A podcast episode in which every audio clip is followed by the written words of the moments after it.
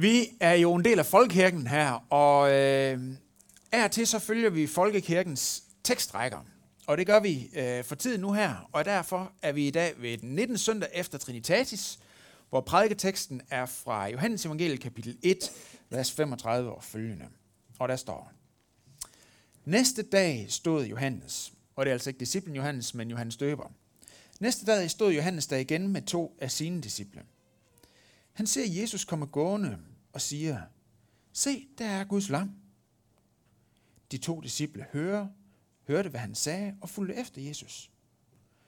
Da Jesus vendte sig om og så dem følge efter, sagde han, hvad vil I? Og de svarede, Rabbi, hvor bor du? Rabbi betyder mester. Han sagde til dem, kom og se. De gik med og så, hvor han boede, og blev hos ham den dag. Det var ved den tiende time. Andreas, Simon Peters bror, var den ene af de to, som havde hørt, hvad Johannes sagde, og var fuldt efter Jesus. Først møder han sin bror Simon og siger til ham, vi har mødt Messias. Det betyder Kristus. Han tog ham med hen til Jesus. Og da Jesus så ham, sagde han, du er Simon, Johannes' søn. Du skal kaldes Kefas. Det er det samme som Peter. Næste dag ville han tage til Galilea og møde Filip. Jesus siger til ham, følg mig. Filip var fra Bethsaida, fra samme by som Andreas og Peter. Og Filip møder Nathanael og siger til ham, ham, som Moses har skrevet om i loven og lige så profeterne, ham har vi mødt. Jesus, Josefs søn fra Nazareth. Nathanael spurgte, ah, kan noget godt komme fra Nazareth? Han var nok fra Vestjylland. øh, nå, men Philip sagde til ham, kom og se.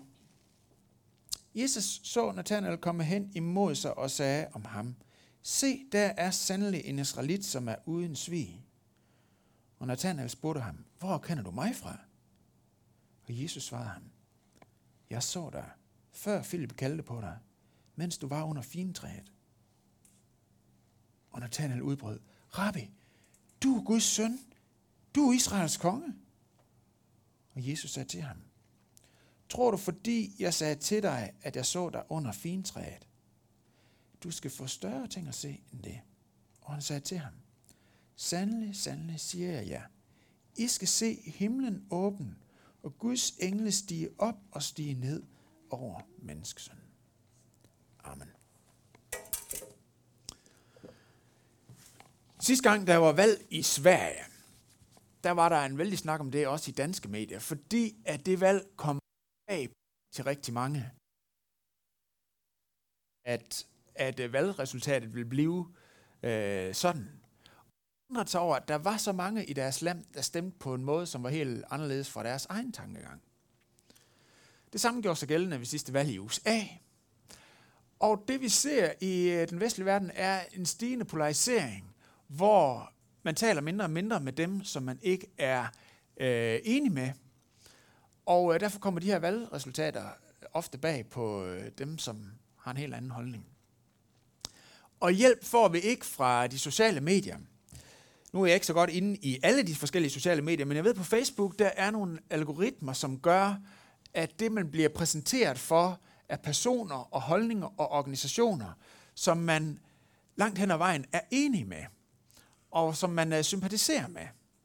Fordi øh, Facebook er en forretning, og når man bruger det produkt, så skal man gerne have en god brugeroplevelse, og det er ubehageligt at blive præsenteret for holdninger og standpunkter og personer, som man ikke bryder sig om. Så for at få en god kundeoplevelse og en god oplevelse med produktet, så sørger øh, algoritmerne for, at vi kun møder de ting, som vi har det godt med. Og øh, det, er jo, det er jo markedsføringsmæssigt øh, meget forståeligt. Men hvis Jesu første disciple, som øh, vi hører om i dag, de var blevet øh, introduceret til Jesus over Facebook, eller så var de højst sandsynligt ikke blevet introduceret til ham. Fordi deres kategorier, de var helt, helt anderledes end dem, som Jesus han kom med. Deres forventninger om, hvem Gud var, om hvem Messias skulle være, de var nogle helt, helt andre end dem, som Jesus han rent faktisk passede ind i. Så så var de kommet til at gå glip af ham, hvis det var via de sociale medier. Men noget af det, som jeg synes er rigtig interessant, og noget af det, som jeg vil stoppe op ved i dag, det er, hvordan Jesus han approacher dem, hvordan han tilgår dem med de helt anderledes forventninger, øh, som de har. Og det, som Jesus han ikke siger til dem, da han møder dem. Jesus han siger ikke sådan her, Andreas, din opfattelse, den hører slet ikke hjemme her. Skam dig på grund af de forventninger, du har, fordi jeg er Gud, og, og du passer ikke til det.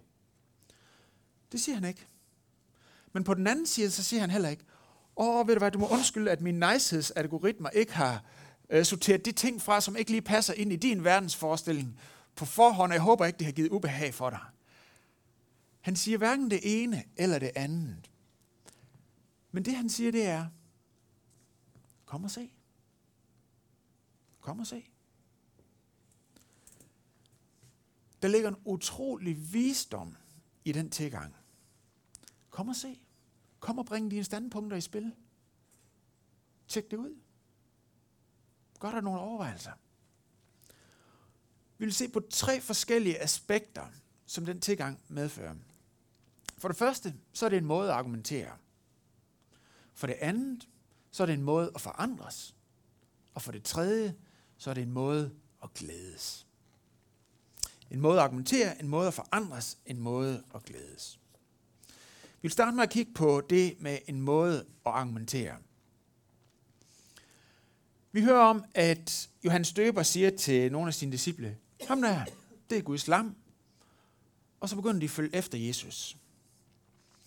Og øh, man kan sådan forestille sig, at de har gået, og de, de er sådan, nå, nå, så følger vi efter ham.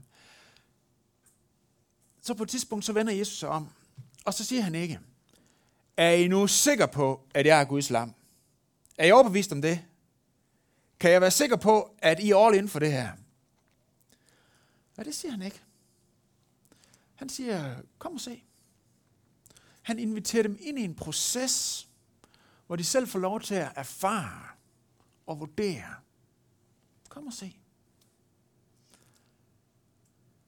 Nathanael, som vi hører om her i teksten, han var faktisk ret skeptisk. Og han siger, kan noget godt komme fra Nazareth. Og det kan skyldes, at han var lokalpatriotisk. Øh, I øh, senere i Johannes evangeliet, der kan vi se, at Nathanael kom fra Kana. Det er en by, der ligger sådan cirka 10 km fra Nazareth. Og det kan være, at han hele sin barndom har spillet øh, kamp mod fodboldholdet fra Nazareth, og så siger det kan de ikke finde ud kan godt komme fra Nazareth. Men det kan også være, at det stikker en tand dybere, og faktisk har noget teologisk i sig. Øh, de fleste på Jesu tid havde en forventning om, at Messias, når han kom, så skulle han være fra Bethlehem. Og øh, Nathanael vidste på det her tidspunkt ikke, at Jesus var født i Bethlehem. Så der kan også være et, et, et, et helt savligt anlæggende i, at han siger, ah, nej, kan du godt komme fra Nazareth, kan det passe? Og Jesus han svarer ham ikke, ved du hvad, du klapper bare i med dine kritiske spørgsmål. Det er der ikke plads til her. Det siger han ikke. Han siger, gå i proces med dit spørgsmål. Kom og se. Kom og se. Jeg tror, der er to grøfter, som vi kan øh, havne i i den her øh, situation. Den ene er grøften, hvor vi abonnerer på øh, den, den tilgang, hvor vi siger, der er ikke nogen, der skal fortælle dig, hvad der er rigtigt og forkert. Den er, den, er, den er meget populær. Der er ikke nogen, der skal fortælle dig, hvad der er rigtigt og forkert. Det skal du huske. Der er ikke nogen, der skal fortælle dig det. Problemet med det standpunkt er bare, at selvom det lyder meget rummeligt og meget åbent, så er det meget lidt rummeligt og nærmest diktatorisk. For når man siger sådan her, ingen skal fortælle dig, hvad der er rigtigt og forkert, så siger man faktisk samtidig, men jeg skal fortælle dig, at det er meget forkert at sige, at der er noget, der er rigtigt og forkert. Og jeg skal også fortælle dig, at det eneste rigtige er at sige ligesom mig, at der ikke er noget, der er rigtigt og forkert. Så hvis bare du abonnerer på mit verdensbillede, så er det okay, at der er ikke nogen, der skal fortælle dig, hvad der er rigtig og forkert. Det er rent faktisk, når vi graver lidt i det, en meget, meget snæversyn og meget lidt rummelig tilgang, hvor man har defineret udgangspunktet på forhånd. Det er den ene grøft. Den anden grøft er grøften med det religiøse magtsprog, hvor vi siger, lad være med at stille spørgsmål. Du må ikke tvivle på det her. Det er doktrinerne. Det kan vi ikke snakke om. Det kan vi ikke drøfte. Der er ikke plads til at være i proces. Det er en anden grøft, som heller ikke er frugtbar. Men Jesus han siger hverken, lad være med at stille spørgsmål, han siger heller ikke, tro hvad du selv har lyst til. Han siger, kom og se. Se på argumenterne. Bring dine egne argumenter i spil. Kom og se. En ting, som, øh, som vi lige kan prøve at tage frem, det er for eksempel den her beretning. En del af beretningens troværdighed. Hvad skal vi mene om den?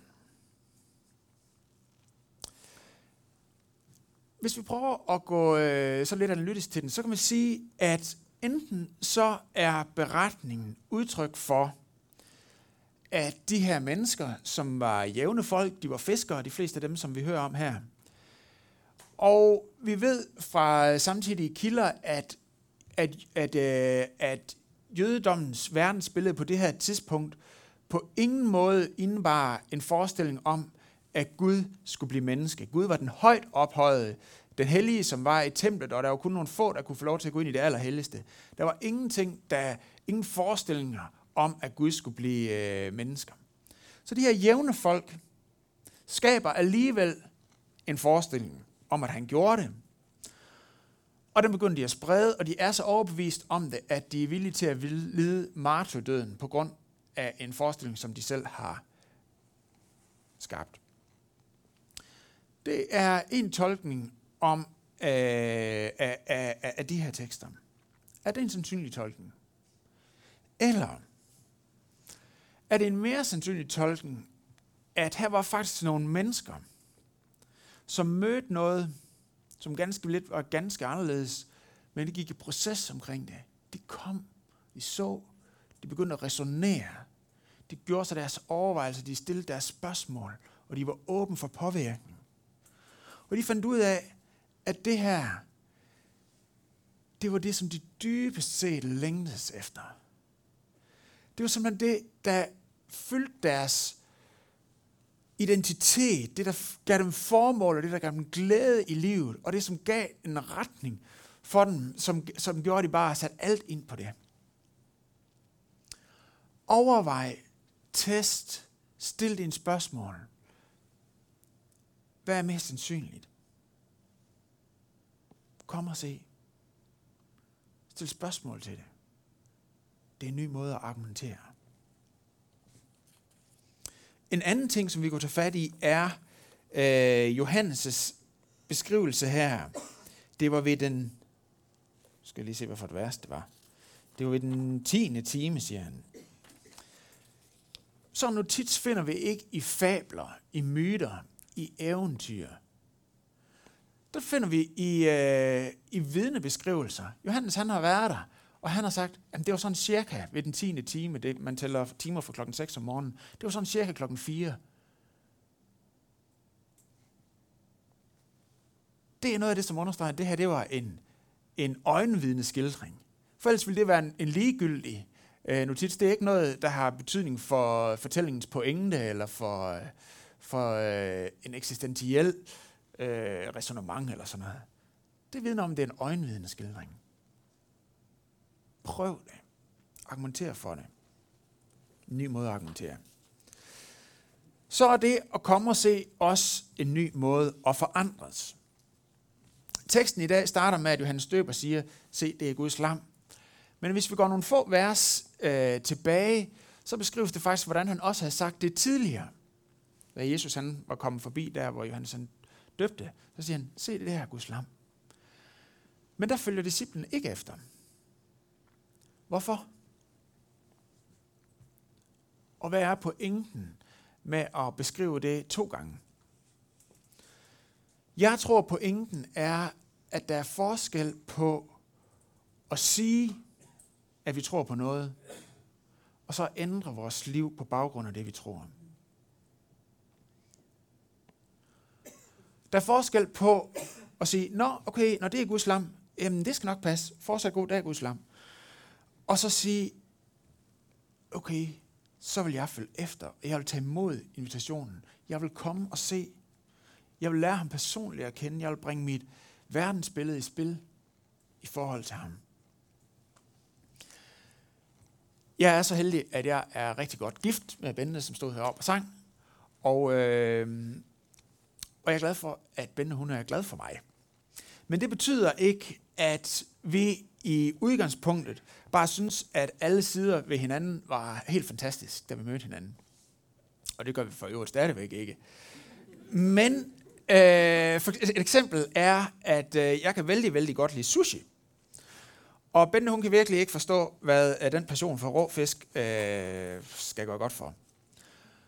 Og så kunne Bente jo vælge at sige, jeg vil kun relatere til de dele af Mads Peter, som jeg i forvejen er enig i, som jeg har sympati for, som jeg kan sætte mig ind i, som jeg synes er smagsfulde, og ikke det, som jeg synes er totalt usmageligt. Og så kan hun undgå at komme i kontakt med de sider, hun ikke har interesse i. Sidste år til min fødselsdag, der inviterede Bente mig ud på sushi til frokost. Hun kender mig personligt, og hun ønsker også at interagere med de sider af mig, som hun ikke i udgangspunktet synes var sympatiske. Så hendes kendskab til mig har forandret hendes øh, prioritet af restauranter. Fordi vores relation til hinanden gør, at vi forandrer os. Vi påvirker hinanden. De algoritmer, som er på Facebook, og som sørger for, at vi ikke bliver præsenteret for noget, som vi ikke bryder os om, de kan også er til komme til at installere sig i vores trosliv. Sådan at vi automatisk sorterer de sider af Jesus fra, som vi ikke bryder os om. Som vi ikke bliver påvirket af det, som vi ikke er i dialog med det, som vi bare holder os fra det. Og når det sker, så, så begynder vi faktisk at skabe Gud i vores billede, i stedet for, at vi bliver formet og dannet i hans billede. Så det spørgsmål, jeg vil stille, er, lad du Gud forandre dine begreber for retfærdighed, dine begreber for skønhed, dine begreber for formål, dine begreber for rigdom, dine begreber for mening. Invitationen, kom og se, er også en invitation til at sætte noget af os selv på spil. Og mødes med Jesus i en åben relation, hvor vi er åbne for at forandres. Og kom og se, er at indgå i en ærlig relation. Det er en måde at forandres.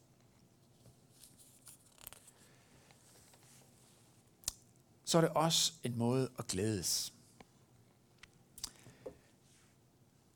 Jeg vil gerne, hvis I lige kunne prøve at tænke efter i jeres øh, indre fotoalbum, og se om I kunne komme i tanke om en gang, hvor I har været så overvældende glade, at I slet ikke vidste, hvordan I skulle udtrykke dem. Prøv lige at bladre hurtigt igen. En gang hvor I været så overvældende glade, at I ikke vidste, hvordan I skulle udtrykke det. Jeg kan selv huske en gang, hvor jeg var øh, 10 år, sådan cirka, det var juleaften, og jeg ønskede mig så brændende en racerbane med Jyllandsringen. I ved de der, jo længere ned man trykker på den der, jo stærkere kører den. Og så hvis man finder en alternativ strømkilde og sætter til, så kan det køre dobbelt så stærkt. Sådan en havde øh, min kammerat Daniel, sådan en, en racerbane med Jyllandsringen, og jeg synes, det var det, det var det største, man kunne opnå som, som dreng i det her liv, at få sådan en racerbane. Og jeg ønskede mig det inderligt. Og så øh, der om dagen op til juleaften, så lægger jeg mærke til, at inde under skænken hjemme i farmors stue, der ligger der en pakke, som jeg synes grangivligt har de mål, som svarer til den papkasse, som Jyllandsringen var i. Og jeg var fuldstændig overstadig, og jeg øh, spurgte min far, om jeg får lov til at ringe til min kammerat Daniel, for at få ham til at tage mål på den der kasse, han havde. Fordi at, øh, jeg vidste selvfølgelig godt, at man kunne ikke pakke dem op før juleaften, men altså, man kunne da altid kigge på pakkerne, ikke også? Og jeg var så spændt. Og så blev det juleaften, og vi skulle have gaver, og jeg fik Jyllandsringen, og det var bare, uh, så kunne man simpelthen ikke komme højere op. Det var helt, helt, helt fantastisk. Og til min store overraskelse, og det har jeg nok ikke behøvet den juleaften, så var der faktisk mere end én gave. Så der var en gave mere, jeg skulle pakke op. Og øh, den var cirka så lang, så høj og så tyk. Og jeg kan huske, jeg, hvad for en sofa mine forældre havde. Jeg kan huske, hvor jeg sad henne, og jeg pakkede den op. Og så ser jeg, det en togbane. En togbane med lokomotiv og skinner og vogn og transformator. Og i min øh, lille hoved, der var det sådan noget helt fantastisk, jeg har set på billeder, min far havde, da han var barn. Og jeg blev simpelthen så glad, og jeg vidste simpelthen ikke, hvad jeg skulle gøre, så jeg begyndte bare at græde. Jeg havde allerede fået alt, hvad jeg i mit lille drengehjerte overhovedet kunne ønske mig. Og så fik jeg også en togbane. Og jeg vidste simpelthen ikke, hvordan jeg skulle reagere. Jeg vidste ikke, hvordan jeg skulle være i min egen krop. Og jeg... jeg kunne ikke... Jeg, ja, der var simpelthen, der var, blev verden så for fantastisk til, at jeg kunne håndtere det. Nathanael, han starter egentlig ud ved at være meget skeptisk, ikke også, at sige, kan noget godt komme fra Nazareth. Så da han møder Jesus, så siger han, wow, du er Guds søn, du er Israels konge.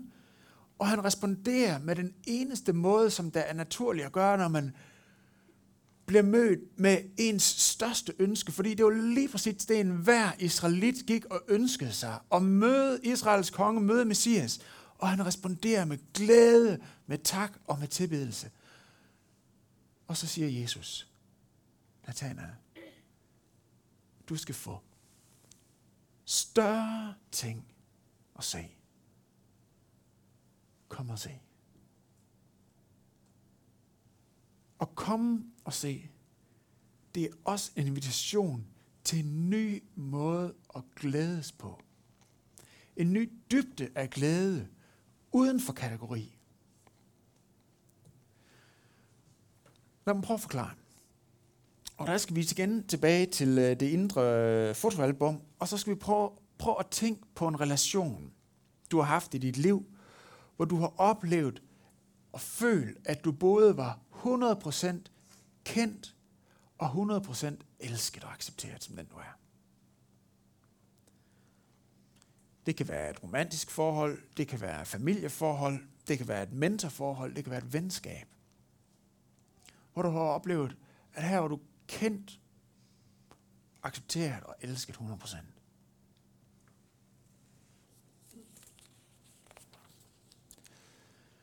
Det der med at blive set i øjnene og opleve, at her er en, der ser forbi min skam, ser forbi min frygt, ser forbi det, som jeg havde håbet, der aldrig var nogen, der skulle opleve, og nu ved den her person det.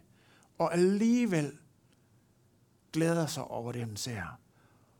Og kan fortælle, hvem man virkelig er. Og opleve sig fuldstændig kendt og elsket. Det er noget af det mest fantastiske, vi som mennesker kan opleve. Udfordringen med de relationer, som vi har mellem hinanden, er, at følelsen, den igen tager af. Fordi der er en grænse for, hvor godt vi kan kende hinanden. Og, øh, og der er også en grænse for, hvor meget vi kan rumme. Men prøv at lægge mærke til, hvad der er, der sker i den her tekst.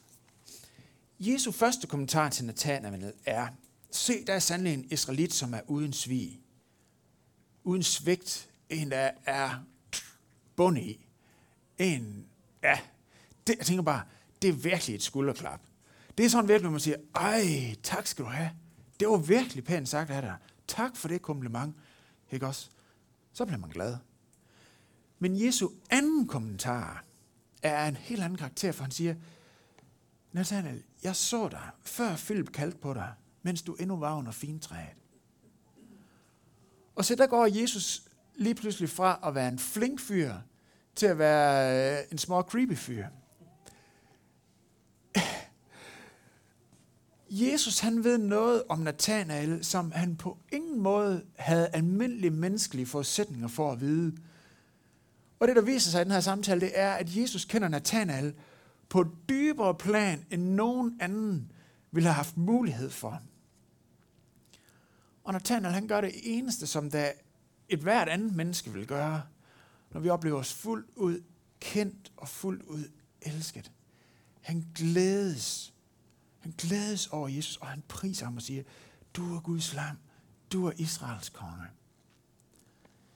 Han responderer med glæde og med tak. Fordi at det her, det er noget af det mest fantastiske, vi som mennesker overhovedet kan opleve. Der er en sjov øh, notits i øh, beretningen øh, lidt senere i Johannes evangeliet, hvor Jesus han har mødt den samaritanske kvinde, som havde en hel masse ting i sit liv, som hun ikke ønskede, at nogen skulle se. Og så har hun snakket med Jesus, og så løber hun ind i landsbyen. Og så siger hun, kom og se en mand, som har fortalt mig alt, hvad jeg har gjort. Og jeg tænker lige, øh, øh, hvornår er det blevet fedt?